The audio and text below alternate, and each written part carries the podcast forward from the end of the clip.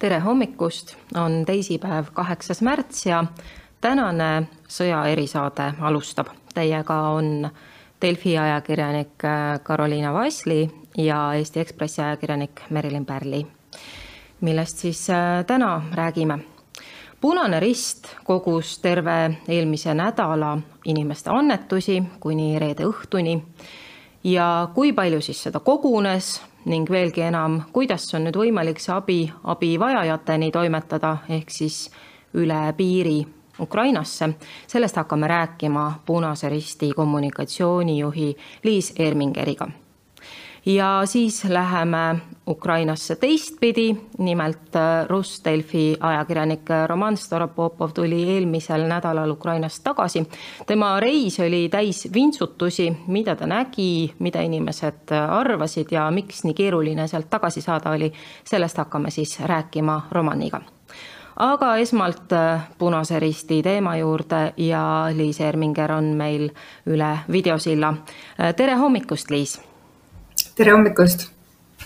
nädal tagasi, kui ma ise Punase Risti kaupluses käisin, siis olid inimesed annetanud juba kolme-nelja reka jagu äh, kaupu.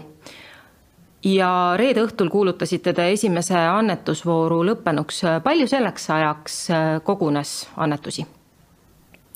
ja kui me alustasime annetuste kogumist, siis äh, andsime välja sõnumi, et kiiret ei ole, et tooge rahulikult. Aga Eesti inimesed võtsid äh, nii heas mõttes tuld ja hakkasid nii suurtes kogustes annetusi tooma ja looma ka kõikvõimalikke kogumispunkte üle Eesti. et saime aru, et see vool on nii meeletu, et peame küll panema lõpptähte ja tegema nüüd vahekokkuvõtte et äh, tõesti, reede palusime kõikidel äh, kogumispunktidel üle Eesti, mida tõesti oli sadakond, äh, lõpetada ja asjad siis nüüd esmaspäevaks meile ära tuua. täna veel on saabumas viimased saadetised ettevõtetelt, nii et meil seda nagu päris, päris lõppkogust ei olegi, aga praegu kuskil see võib jääda viieteistkümne veoauto kanti. ja mida siis kõige rohkem kogunes? Me kogusime äh, hügieenitarbeid ja voodipesu, tekkepatju, äh, rätikuid, magamiskotte ja hügieenitarvetest äh, toodi päris selgelt kõige rohkem mähkmeid, nii et inimestel on lapsed meeles. ja noh, ka kõikvõimalikke tõesti šampoone, pesukeele, kõike, kõike, mis võib koha peal tarvis minna ja millal see kõik siis ilmselt teele pannakse ja kuidas logistika praegustes oludes ikkagi ka välja näeb, et see abivajajateni jõuaks? Mhm. me oleme tegelikult täna äh, saamas äh, kinnitust, äh, kuhu see kõik peaks jõudma ja loodame, et me saame juba homme teele asuma, asuda, et kui nüüd kõik läheb plaanipäraselt, siis esimesed autod juba lähevad homme. Aga praegu on meil info, et, et ilmselt see paik, kuhu me viime need annetused, ei ole Ukrainas sees, vaid on kuskil piirialal vahelaos, kus siis võtab üle need Punase Risti komitee ja sealt hakkavad need vastavad sihtotstarbele siis äh, riiki sisenema. et ootame nüüd seda kinnitust, et mis täpselt see koht on, kus meid vastu võetakse ja oodatakse olete te saanud mingit äh, kinnitust ka, et te üldse saate need humanitaarkoridorid, et see jõuaks äh, sealt piiri pealt siis ka abivajajateni ja on teil äkki teada ka, mis linnad need juba peaksid olema? Mhm. noh, abivajadus on päris selgelt ju üle kogu, kogu riigi ja Punase Risti töötajaid praegu on seal nelja tuhande kanti. et kuussada on rahvusvahelisest Punase Risti inimest, kellel on siis äh, kriiside ja kriiside katastroofi piirkonnas töötamise kogemus. Ja siis on äh, kohalikud punaristlased ja neid on kuskil äh, kolme tuhande kanti ja nad on tõesti jaotunud üle kogu riigi. Et eh, humanitaarkoridor jah, praegu räägitakse sellest, aga see puudutab rohkem inimeste liikumist, et tegelikult humanitaarabi seal eh, liigub igas olukorras, et humanitaarabi ei ootagi neid suuremaid koridore, vaid humanitaarabi viiakse igapäevaselt äh, kõikjale. Et äh, selles mõttes päris kindlasti, et kui need meie annetused jõuavad sinna piiri äärde, siis nad hakkavad sealt liikuma ka vastavalt vajadusele just sinna, kus on vaja. et äh, kui me viimegi riiki sisse, et riigisisesed laod, et on päris täis, aga kogu aeg on tarvis äh, juurde viia seda kõike. Ja siis ongi need teiste naaberriikide piirialad väga head paigad, kus, kus saab vastavalt vajadusele tõesti neid asju võtta ja viia mis saab siin Eesti poole peal edasi, et paljud inimesed tahaks veel aidata ja tuua veel abivahendeid, et mis on edasised plaanid?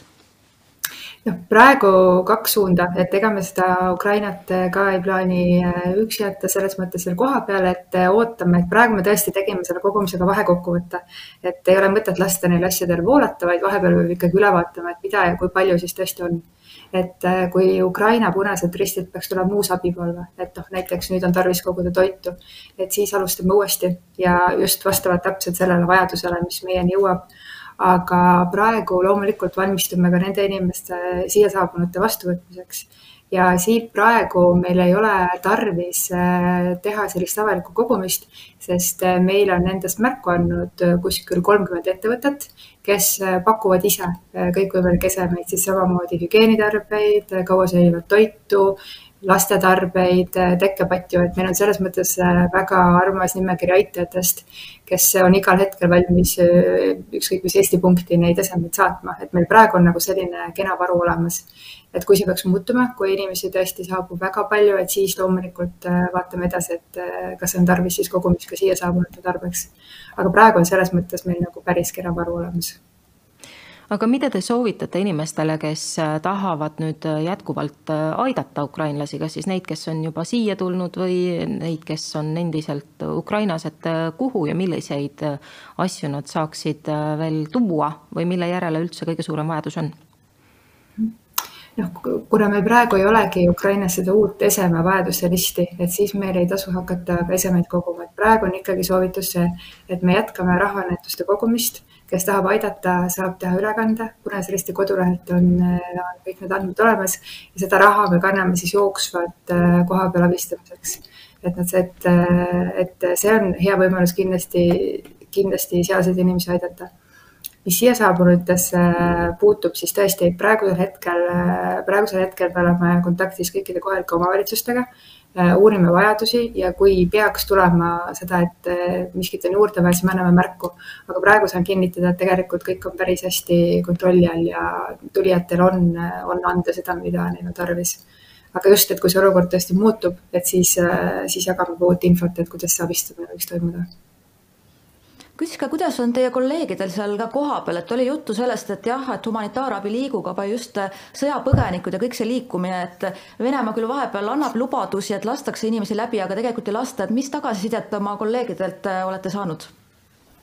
Noh, see Rahvusvaheline Punane Rist praegu väga selgelt äh, teeb äh, seda teavitustööd, aga väga selgelt äh, annab sõnumit, et inimeste tsiviilelanike liikumine peab olema turvaline ja see peab toimuma, tsiviilelanikke tuleb säästa, aga see, et kuidas see siis nagu tõesti reaalsuses tõe, nagu see toime, kuidas see reaalsuses tõeks saab, et kuidas seda nagu päriselt teha, see sõltub ikkagi äh, nendest pooltest seal, et kes, kes neid äh, kokkuleppeid teevad. et meie tõesti saame anda ja annamegi väga tugevalt seda sõnumit, et äh, tsiviilelanikud peavad saama liikuma, kui nad tunnevad, et piirkond on ohutu või nad soovivad riigist lahkuda, siis neil peavad olema need võimalused.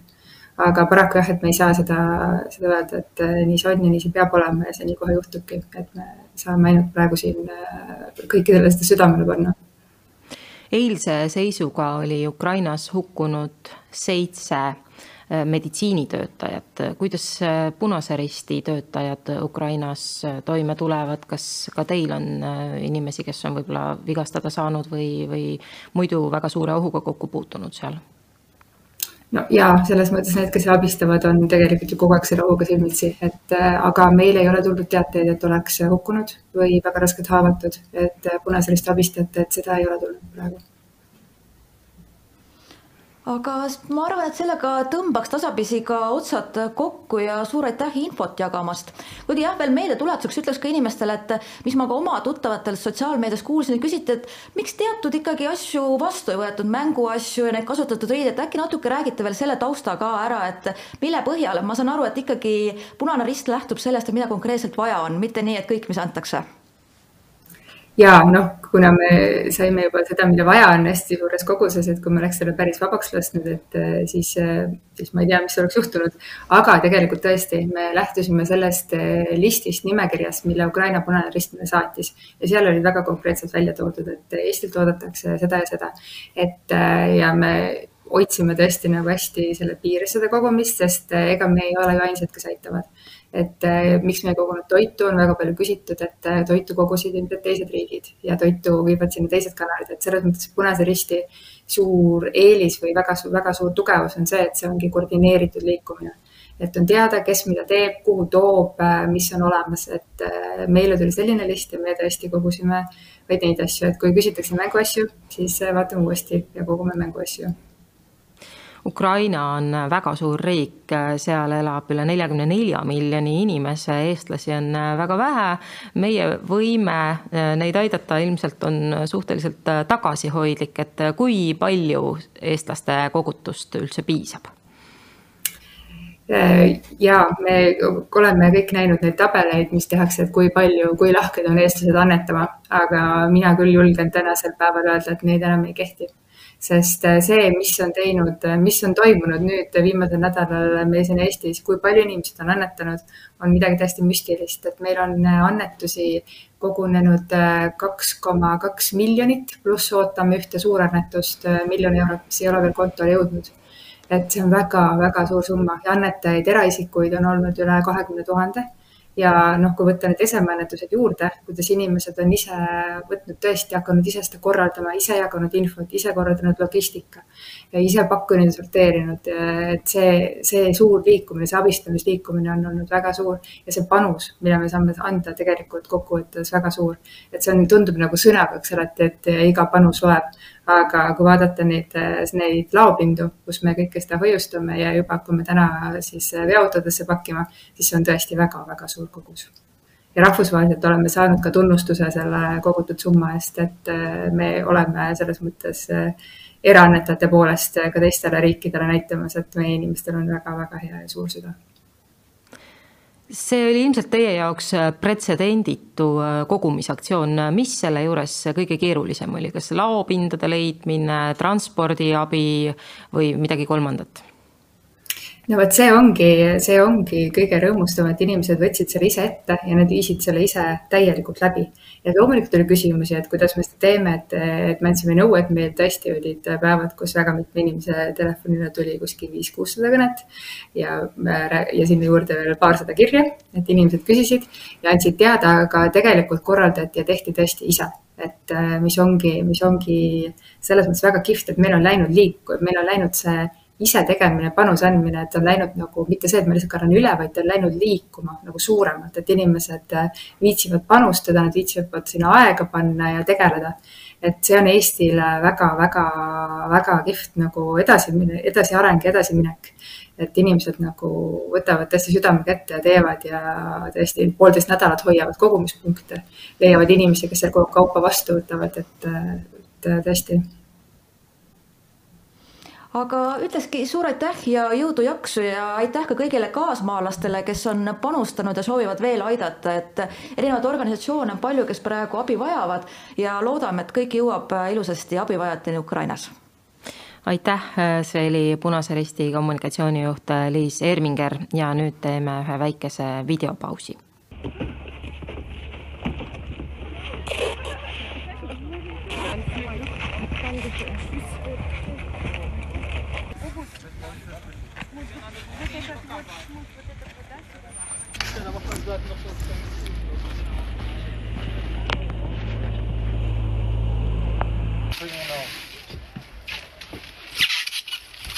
Die ukrainischen Fahrer, die hier seit ähm, über eine Woche oder zwei Wochen unterwegs waren in Europa, die würden jetzt quasi leer zurück in die Ukraine fahren mit dem Tracker. Was wir jetzt machen, wir haben einen Ruf bei unserem äh, Mitarbeiter oder Kollegen äh, der Spedition macht, äh, ausgerufen, der jetzt alle ukrainische Fahrer aktiviert. Die kommen hierher, wir beladen die voll und die fahren dann in die Ukraine. Und in der Ukraine, die Volontäre werden die dann empfangen und die Sachen dann in die benötigte Städte oder äh, Dörfer oder wie auch immer, wo die Hilfe benötigt wird, äh, dann äh, verteilt.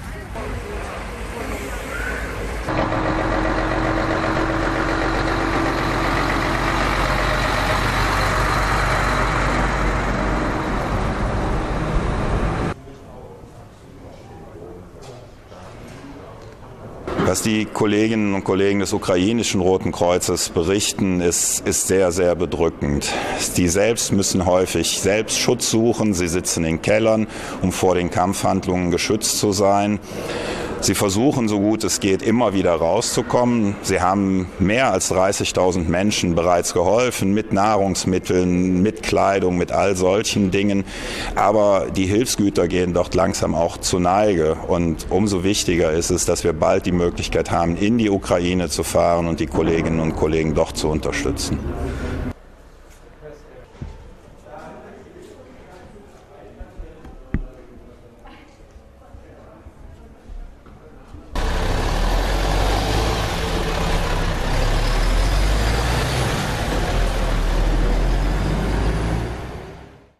Ja jätkame oma erisaatega ja nüüd heitsime ka ise pilgu, et äh, tegelikult kuidas see kõik toimib, et äh, Punase Risti kaudu, et abi jõuaks abivajajate Ukrainas, et see ei ole sugugi lihtne, sest äh, praeguses sõjaolukorras kõik see toimub väga keeruliselt aga nüüd on meiega liikunud ka kolleeg Vene Delfist, Roman Starapopov, tervist! tere hommikust! Ma mäletan ise meie vabariigi aastapäeva hommikut, kui ma olin päevatoimetaja Delfis ja kõige suurem mure oligi, et kuidas sul ja teisel kolleegil läheb siis ikkagi Ukrainas, et meenutage natuke, kuidas teil endal see hommik algas, et ma saan aru, et ühe ka meediakolleegi kaudu kuulsite, et sõda on alanud. ja ta helistas mulle, teatas, ma ei uskunud, ma pärast tegin lahti aken, et kuulda, mis toimub toas oli väga hea isolatsioon, see oli hotell ja kuulsin, et jaa, töötab sireen, siis kiiresti jooksesin õue ja vaatan, keegi ei jookse, lihtsalt töötab sireen ja mees teavitab, et olge ettevaatlikud, mingi keldrisse ja ma ei mäleta veel. jah, sest täpsustame ka, et te olete just Kiievist ka tulnud ja nüüd olite siis lääne. jaa, no alguses me plaanime teha reportaaži Lvivis, pärast sõita Odessasse, et võrrelda, mis räägivad inimesed, sest Lviv on ukrainameelne, aga Odessa, nagu räägitakse, pigem venemeelne. alguses oli selline plaan ja kõik on, kõik muutus nii kiiresti, pärast plaanisime, kuidas sõita tagasi. alguses plaanisime ka sõita tagasi Kiievisse, sest Lvivis oli raske leida hotell kõik oli kinni absoluutselt. aga Ülmes ütles ei, sõitke tagasi koju Eestisse. siis hakkasime otsima pileteid, midagi ei ole, midagi. no raudteejaamas oli palju, väga palju inimesi, väga palju oli mustanahalisi no uurisime, kus nad on, kes nemad on. tegelikult see on tudengid ja töötajad, nad töötasid Ukrainas. ma mäletan, et see oli vist laupäev, kakskümmend seitse veebruar, kui ma olin eetris Ukrainast. ja ma rääkisin, et me leidsime korter, ta maksis sada kuuskümmend eurot ja see oli korter ühe voodiga, alguses oli jutt, et kaks voodi, no inimesed noh, kahjuks valdavad. ja pärast, pärast, mis pärast oli, ja sõitsime Poola piirile, leidsime, kes noh, Ivan, kohalik mees, oli nõus meid viia, ta teab, teab kõik kohalikud teed, sest kui sa sõidad äh, maanteega sa sõidad umbes kümme tundi piirini, aga me sõitsime metsa kaudu, no ja jõudsime kahe tunni. no ja tee võttis umbes kaks tundi. ja piiril, piiril me olime umbes kuus tundi, proovisime seista järjekorras oli arusaadav, et on vaja seista umbes kaks päeva, tuhat inimesi oli. aga saab bussiga, see on kiiremini, kui sa sõidad bussiga, siis kõik on ok. proovisime siseneda bussi, kõik kohad, noh, kohtu, vaba kohta ei olnud. rääkisime ka autojuhiga, äkki keegi võtab meid. ei, no kõik autod olid täis sest äh, hommikul oli umbes kakskümmend viis kilti äh,. ja mõned inimesed äh, käisid äh, jalga Lvivist äh, poole ja nad äh, noh, palusid autojuhid võtta neid äh,. ja seetõttu juba piiril oli kõik autod täis.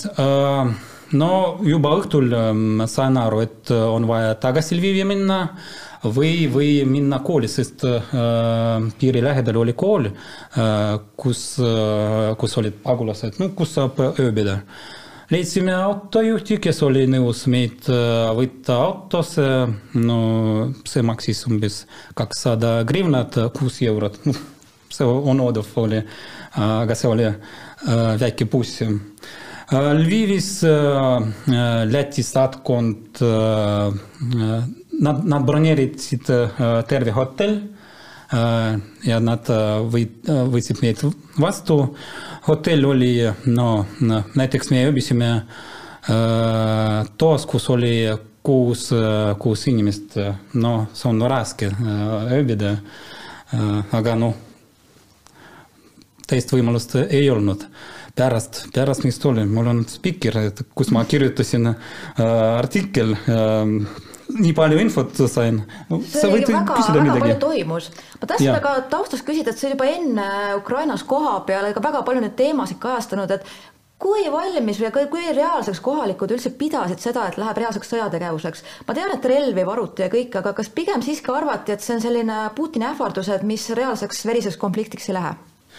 muidugi, no keegi ei usunud, et midagi toimub, sealhulgas ka Ukrainas. Üks ja pool kuu juba jah, möödunud, kui ma olin kaevikutes, rääkisin sõduritega, no mõned rääkisid, äkki midagi toimub, siis noh, me oleme valmis, seda ma täpselt mäletan. olin Harkivis, no inimesed olid, inimesed rääkisid, et oleme harjutanud, noh me usume, et midagi ei toimu. no nagu siin no,, nagu kogu maailmas, keegi niimoodi, kõik inimesed rääkisid niimoodi. vot aga kui nüüd äh, see sõda algas sellel kahekümne neljanda veebruari öösel, siis kuidas see linnapilt muutus, mida sa nägid, kui kiiresti valgusid inimesed tänavatele, kui äh, palju anti abi, sa ütlesid, et korter oli väga kallis, kas ka oli neid, kes võib-olla majutasid enda juurde täitsa võhivõõraid lihtsalt selleks, et aidata? ja, ja, ja sellest äh, kirjutasid kohalikud äh, telegram-kanalid, kus saab leida äh, ööbimiskohad, no see oli koolid, no sest palju pagulasi Ida-Ukrainast sõitsid Lvivi oblastisse. selline oli info kui tundlikud ka seal kohalikud olid, et me enne ka siin vestluses mainisime, kohe kui kuuldi vene keelt, natuke ah. mindi ärevaks, et ja, aa, no vot me oleme piiril ja äh, Raunuga rääkisime. Äh, eesti keeles omavahel, siis helistas telefon, vastasin vene keeles ja üks naine noh, vaatab minu poole, et ahah. ja äh, õues inimesed oli vahepeal äh,, nad kahtlustasid äh, teineteist, no oli selline tunne ja äh, sellest rääkisime ka kohaliku inimestega, seda ta rääkis, et ta ka seda näeb, et ja ah, vot, mäletan, sellest ma ei kirjutanud. rääkisin ka, see, olime tagasi Lvivis, rääkisin Raunuga, ütlesin temale mingi sõnum vene keeles ja siis inimene õues hakkas helistama, ma ei tea, kuhu. noh, politsei ei tulnud, aga ma ei tea, kas oli seotud sellega või mina ma arvan, et see oli seotud, ei tea kuidas need põgenikud välja nägid, et kirjelda, oli seal peamiselt naisi, lapsi, palju neil asju kaasas oli, kas neil oli lemmikloomi kaasas, kuidas nad olid tulnud? paanikat ma ei ole näinud üldse. mures inimesed olid ja peamiselt see oli naised, lapsed, muidugi oli loomad kaasas mehed olid, vot ma ei mäleta tema nimi, Maksim vist. ta ütles, noh, ma olen perega siin, aga pärast sõidan tagasi koju. ta plaanib minna sõjale. no ja palju, palju, palju oli, nagu ma rääkisin, välismaalased aga asju, kas asju oli ka palju kaasas või oldi tuldud lihtsalt no, laps ja koer näpu otsas enam-vähem? mitte palju, sest äh, autod olid äh, äh, noh, need väikesed autod, mitte bussid äh,. no keegi ei jõua võtta kõik asjad kaasa nii kiiresti. no oli palju bussi ka kui sa oled ka suhelnud, sul on palju allikaid ka Kiievis oma artiklites oled ka kirjeldanud, et isegi baaris seal said inimestega tuttavaks ja kuidas nendel inimestel läheb, kes ongi praegu seal nende konfliktipiirkondade keskmes, kas paljud ongi läinud ka siis sõtta kaevikutesse muretseda oma pereliikmete pärast? ja, ja nad kirjutavad, nad äh, ei põgene, nad äh, äh no vot, see baari omanik äh, ütles, et äh, temal on relv, äh, ta on valmis, kui midagi toimub äh, ma loen, mis toimub ka käivikutes, üks sõdur kirjutab. praegu ta on elus, on väga hea, no aga ta kirjutab, et no nad hakkavad saama, no ta näitab ka mõned videod, mis räägivad Vene sõdurid, no ma ei tea, kas saab sellest rääkida. no võib-olla ma ei tea, no nad, nad räägivad, et nad ei tahtnud, vot.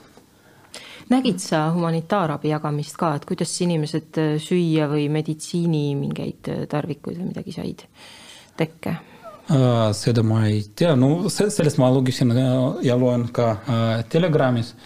no ukrainlased on üheskoos, nad aitavad terve maailm ja nad noh ütlevad aitäh Eesti, et te aitate meid sellega. aga no, supi jagamist või midagi sellist tänavatel? see oli, jaa, see oli piiril ja, ja, ja, ja see oli piiril, sest kui me sõitsime tagasi teinekord, no ma ei saa rääkida, mis riigi kaudu me lahkusime, noh. arusaadav. jah, oli supp, tasuta supp kapsasupp, oli vesi, vabatahtlikud andsid suured pudelid, sellega oli kõik korras nüüd sa oled Eestist tagasi juba eelmisest neljapäevast ja kindlasti kõrvalt jälgid, et mis toimub, aga kui palju sa kuuled, mis toimub Vene inforuumis, mida nagu Vene inimene praegu teab ja kust tema oma info ammutab, lisaks muidugi nendele Kremli propagandakanalitele? no musta huumorit ei saa seal. ma räägin neile, no ma vaatan teie telekanalit, tegelikult ei vaata, aga ütlesin, et vaatan, teil on kõik hästi. no, no nad räägivad naljatad või mõned tahavad põgeneda. näiteks üks mees juba otsib korter Narvas, ta on Peterburi, Peterburi elanik Moskvast ma tean, et nad plaanivad, aga nad, nad ei tea, nad ka ei tea, mis toimub edasi. Nad kardavad. üks neiu oli miitingul, see üleeile oli, aga ma ütlesin talle ära filmi, ta tahtis meie saata videot, ütlesin, ole ettevaatlik, ei ole vaja seda aga, aga mis kanalitest nad seda tõesti infot saavad Venemaal? Nad ka loevad telegram-kanaleid, no näiteks Nehta, nad kõik näevad, mis toimub. ka kohalikud, nad võrdlevad, nad, no nendel on rohkem infot tegelikult, sest nad näevad, mis Vene kohalikud kanalid räägivad ja nad saavad võrrelda ja nad räägivad ka mulle, no seda, seda räägivad, no et vaata kuidas on võimalik, et ja mul on selline tunne, et Vene propaganda no, kaotab selles sõjas praegu, infosõjas et pigem ka Venemaa siseselt vastuhakk kasvab ja inimesed ikkagi julgevad avaldada arvamust, kuigi ka seadusandlus kohati on nende vastu, et ma arvan, et sellega me tõmbaski selle osa kokku ja meil on veel ka üks äh, videoklipp näidata ka, kuidas äh, Venemaal äh, need olud on. ja suur aitäh sulle, ma loodan, et sa saad ka nüüd natukene puhata, kuigi ma arvan, et see infoküllus ja kõik see, mis ümber toimub, et ega sa päris nii ei ole, et sa puhkad ja uudiseid ei loe. Loodan. Aga teeme tööd edasi. ja lõpetu-, ja lõpetuseks äkki veel mingisugune hea sõna kaasaväraks nendele kolleegidele, kes just nüüd on jõudnud Ukraina piirile mida meeles pidada? või mille, mida olge arvestada? ettevaatlikud, see on kõige tähtsam sõna. aitäh, Vene Delfi kolleeg Roman Strapopov. aitäh, aitäh..